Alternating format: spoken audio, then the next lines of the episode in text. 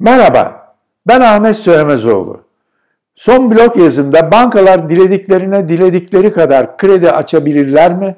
Bu büyük miktarlı kredileri kim izliyor, nasıl denetleniyor e, türünden sorulara cevap vermeye çalıştım. Bu sorular bankacılıktaki en temel risk olan kredi riski ile alakalıdır. Kredi riski kabaca bir kredinin ödeme planına uygun bir şekilde tahsil edilememe ihtimaliyle alakalıdır. Fakat bu ta, e, tanımlama yeterli bir tanımlama değildir. Zira kredi riskinde iki e, başka önemli husus vardır. Bunlardan bir tanesi moral hazard denilen ahlaki tehlike içeren risktir. Nedir bu ahlaki e, tehlike içeren riskler? Banka yönetimlerinin kendi konumlarını kullanarak ahlaken sorgulanabilir kredi ilişkilerine gir, girişmeleridir. Mesela kendilerine kredi açabilirler, kendilerinin yakınlarına kredi açabilirler. Bunların kontrolü altındaki e, kurumlara, yapılara da e, açılan krediler bu tip kredilerdir. İkinci bir e, riskte, kredi riskinde kredi yoğunlaşması riski dediğimiz e, teknik e, tabiri credit concentration risk denilen risktir. Bu da bu mali kaynakların belli kişi ve kurumlarda veyahut bir sektörde yoğunlaşmasıyla alakalıdır. Bu da istenen bir durum değildir. Hem bankanın öz kaynaklarını tehdit edici bir durumdur hem de e, e, mali kaynakların tüm kesimlerce adil bir şekilde kullanılmasını e, önüne geçen bir durum olduğu için de arzu edilmez. Şimdi bu kredi riskinin bütün bu boyutlarında hem tahsilat açısından hem ahlaki tehlikeler açısından hem de kredi yoğunlaşması açısından düzenleyen bir takım uluslararası standartlar vardır. Bizim mevzuatımız da genel hatlarıyla bu standartlarla uyumludur. Ve bu standartlar ve bizim mevzuatımız bir takım kısıtlamalarla bu tip risklerin önüne geçmeyi hedefler. Şimdi bu mevzuattaki birinci e, seviye e, kısıtlamalar kanunda bulunan kanuni kısıtlamalardır. Bizim 5411 sayılı kanun ve bilahare orada yapılan değişikliklerle bir takım risk grupları tarif edilmiş ve bu risk grupları için bir takım azami kanuni limitler tanımlanmıştır. Bunun yanı sıra BDDK'da kanundan aldığı yetkiyle çıkardığı yönetmeliklerle gene bu e, kredi riskini yönetici kurallar koymuştur ve ilave kısıtlamalar getirmiştir. Şimdi biz kısaca bunlardan e, bahsedeceğiz. Ama önce kanunda tanımlanmış risk gruplarına ve bunlara getirilen kısıtlamalara bir göz atalım. Evet, şimdi burada kanunda tarif edilmiş risk grupları var ve bu risk grupları için tanınan limitler, kredi limitleri. Kredi dediğimiz zaman tüm nakdi ve gayri nakdi kredileri anlıyoruz. Yani işletme sermayesi için alınan krediler, yatırım için alınan krediler, ipotekli krediler, akreditifler, teminat mektupları, garantiler, kredi kartları limitleri yani tüm e, kredi işlemlerinde açılan limitlerin hepsinin toplamını alıyoruz ve o toplamın burada bahsedilen limitten fazla olamayacağını söylüyoruz. Şimdi kimler var bizim bu risk gruplarında? Önce hissedarlarımız var. Hissedarlarımızın eş ve çocukları ve onların kontrol ettikleri tüzel kişilikler var. Eğer hissedarlar e, tüzel kişilikse o tüzel kişilikler ve o tüzel kişiliklerin kontrolü altında olan e, diğer tüzel kişiliklere açılan limitler. Şimdi bu burada hissedardan kasıt asgari yüzde bir pay sahibi olmak. Bu grupta mensup her bir hissedar için en fazla toplam öz kaynakların yüzde yirmisi kadar kredi açabiliyoruz. Sonra bizim yöneticilerimiz geliyor. ikinci bir risk grubu. onların eş ve çocukları ve onların kontrol ettikleri tüzel kişilikler. Dünyanın hemen hemen her yerinde yöneticilerin bankayla kredi e, iş, e, alışverişinde olmaması istenir ve son derece cüzi bir limit tanınır ve Türkiye'de de durum budur. Bizim yöneticilerimizin her biri için kanunun cevaz verdiği limit aylık net ücretin 5 misli kadar kredi, 3 katı kadar da kredi kartı limitidir. Yani her bir yönetici için en fazla 8 maaş kadar bir kredi limiti mümkündür. Diğer e, bir risk grubu da bizim üçüncü kişiler dediğimiz hissedarlar, yöneticiler ve bunlarla bağlantılı e, kurumlar dışında kalan e, gerçek ve tüzel kişiliklerdir. Onların eş ve çocukları ve kontrol ettikleri tüzel kişilikler. Şimdi bu gruba toplam öz kaynakların %25'inden daha fazla bir kredi açmak mümkün değildir. Yani herhangi bir kişiye veyahut bir e, tüzel kişiliğe bir banka en fazla toplam öz kaynaklarının %25'i kadar kredi açabilir. Şimdi bir diğer grupta bizim bankalar var. Burada Merkez Bankası ve diğer bankalar var. Şimdi bankaların Merkez Bankası ve diğer bankalarla yaptığı işlemler genelde limite tabi değildir. Gerçi bankaların diğer bankalarla yaptığı bazı işlemler limit dahili işlemlerdir. Onlar için istisnai hükümler vardır. Kanunda bunları görebilirsiniz. Ama bizim buradaki e, mevzumuz açısından böyle bir limit söz konusu değildir.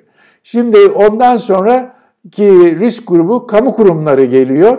Kamu kurumları dediğimiz zaman da bunları anlamak e, zorundayız. Nedir bunlar? Hazine, varlık fonu, toplu konut ve özelleştirme idareleri. Şimdi bankaların bu adı geçen kurumlarla olan kredi ilişkilerinde herhangi bir limit söz konusu değildir. Şimdi benim bu e, bahsettiğim limitler birinci e, seviye limitler dediğim limitlerdir. İlave başka e, kısıtlamalar var. Onlara geçmeden hemen şunu belirteyim. Eğer bir hissedar aynı zamanda yönetici ise hissedarlar sınıfından muamele görür. Yani kredi açmak mümkündür. Şimdi geçelim ikinci e, seviye e, limitler nelerdir? Burada ikinci seviye e, limitlerde e, şunları e, dikkatimizi çekiyor. Bunlar bir kere tüm ortaklara verilen kredilerin öz kaynakların %50'sini geçemediğini görüyoruz. Bu ilave bir hükümdür. Yani 3 diyelim ki 3 ortağımız var. Her birine tek tek %20 kredi açmamız mümkün. E, üçüne birden açtığımız zaman %60 oluyor. Bu mümkün değil. Zira kanun her birine %20 e, imkan tanımakla beraber tüm ortaklara verilen kredilerin e, seviyesini öz kaynakların %50'siyle sınırlamış. Başka gene burada e, dikkatimizi çeken husus, ortaklara verilen kredilerde yönetim kurulu kararlarında 3'te 2 çoğunluk aranıyor. Aynı zamanda ortaklara açılan kredinin şartları da piyasa şartlarından daha iyi olamıyor. Bir başka deyişle ortaklara torpilli kredi açmak mümkün değil. Bir diğer dikkatimizi çeken e, konu teminatların limiti değiştirmediği. Yani bir risk grubunda gene o risk grubu için açılmış kredilerde e, kredilere karşılık verilen teminatlar limiti değiştiremiyor. Mesela herhangi bir e, çıkıp efendim ben aldığım kredinin iki misli ipotekli e, teminat verdim, gayrimenkul e, teminatı verdim, hisse senedi verdim, tahvilat verdim, e, alacaklarımı temlik ettim. Dolayısıyla benim limitimin ona göre ayarlanması lazım. Böyle bir şey söz konusu değil. Bu kanunda sarahaten yazılmıştır. Şimdi bir diğer dikkatimizi çeken husus da burada büyük krediler. Kanunda büyük krediler öz kaynağın %10 ve daha fazlası olarak e, açılan büyük miktarlı krediler için bir sınırlama getirmiş ve bu tip kredilerin toplamının öz kaynakların 8 katını geçemediğini söylüyor. Dolayısıyla şimdi burada e, her iki seviyede gördüğümüz e, kısıtlamalarla hem ahlaki tehlike hem kredi konsantrasyonu dediğimiz kredi yoğunlaşmasının önüne geçmek istemiş e, kanun bu hükümlerle. Bankalar kanununda tarif edilen risk grupları ve bu gruplara ilişkin kredi e, limitlerini e, gördük. Şimdi bu kanuna ilaveten BDDK'nın yönetmeliği, yönetmelikleriyle bir takım ilave sınırlamalar da getirilmiştir. Bunlar bu yönetmelikler içerisinde en önemlisi bankaların kredi işlemlerine ilişkin olan yönetmeliktir. Bu yönetmelik bankaların kredi riskini sermaye yeterliliğiyle irtibatlandırır. Yani bankanın aldığı kredi riskine karşılık ne kadar sermayesi olduğu bu yönetmelikle e, söylenir. Bunun nasıl ölçüleceğini, kredi riskinin nasıl ölçüleceğini, bunun karşısında ne kadar sermaye e, bulundurulması gerektiği e, bu yönetmelikte anlatılır. Bunlar teknik konular. Buralara girmek istemiyorum ama bu yönetmeliğin getirdiği şartlar aslında kredi riskinin daha ziyade tahsilat kısmıyla da alakalıdır. Tabi bunun yanında kanuni sınırlamalar da bu yönetmelikte var. Ama özellikle tahsilat edilebilir kredi e, vermek için ne gereklidir? Bunun için ne kadar sermaye şarttır? İşte bu yönetmelikte anlatılır. Bu yönetmeliğe ilaveten BDDK'nın iki tane daha önemli çalışması var. Bunlar bir tanesi kredi yoğunlaşması riski üzerine ve diğeri de sistemik önem arz eden bankalar hakkında. Bu her iki konuda da iki tane yönetmelik taslağı e, BDDK hazırladı ve yayınladı. Bu demektir ki e, bu taslaklar şu anda istişareye açıldı. E, ve bu yönetmeliklerle ilgilenen herkes buna katkıda bulunabilir.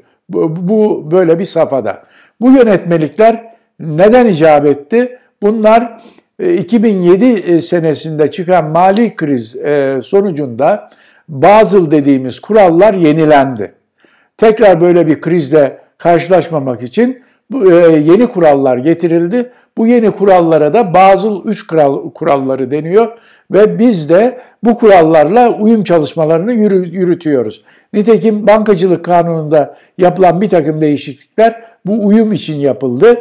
Aynı zamanda bu bahsettiğim yönetmelik taslakları da bu uyum çerçevesinde hazırlanan taslaklardır. Şimdi burada iki tane önemli şey var. Bir tanesi bizim bahsettiğimiz kredi yoğunlaşma riski. İşte kredinin bir takım kredi e, kurumlarda, kişilerde, sektörlerde e, yoğunlaşarak bankanın e, sermayesini tehdit eder bir boyuta gelmesini önlemek hadisesi. Bir başkası da büyük öne, büyük bankaların sistem için önem arz eden büyük bankalar için ek tedbirler. Şimdi nedir bu büyük bankalar? Sistem için önem arz eden bankalar. Yani bir tanesi battığı zaman bütün sistemin etkilendiği bankalar. Mesela e, bizim e, sistemimizde işte Ziraat Bankası, İş Bankası gibi büyük bankalarımız güçlüğe girer ise bütün sistem bundan etkilenecektir şüphesiz. Dolayısıyla bu tip büyük bankalar için özel e, yeni bir takım kurallar getirildi bazı uçta. Ve bu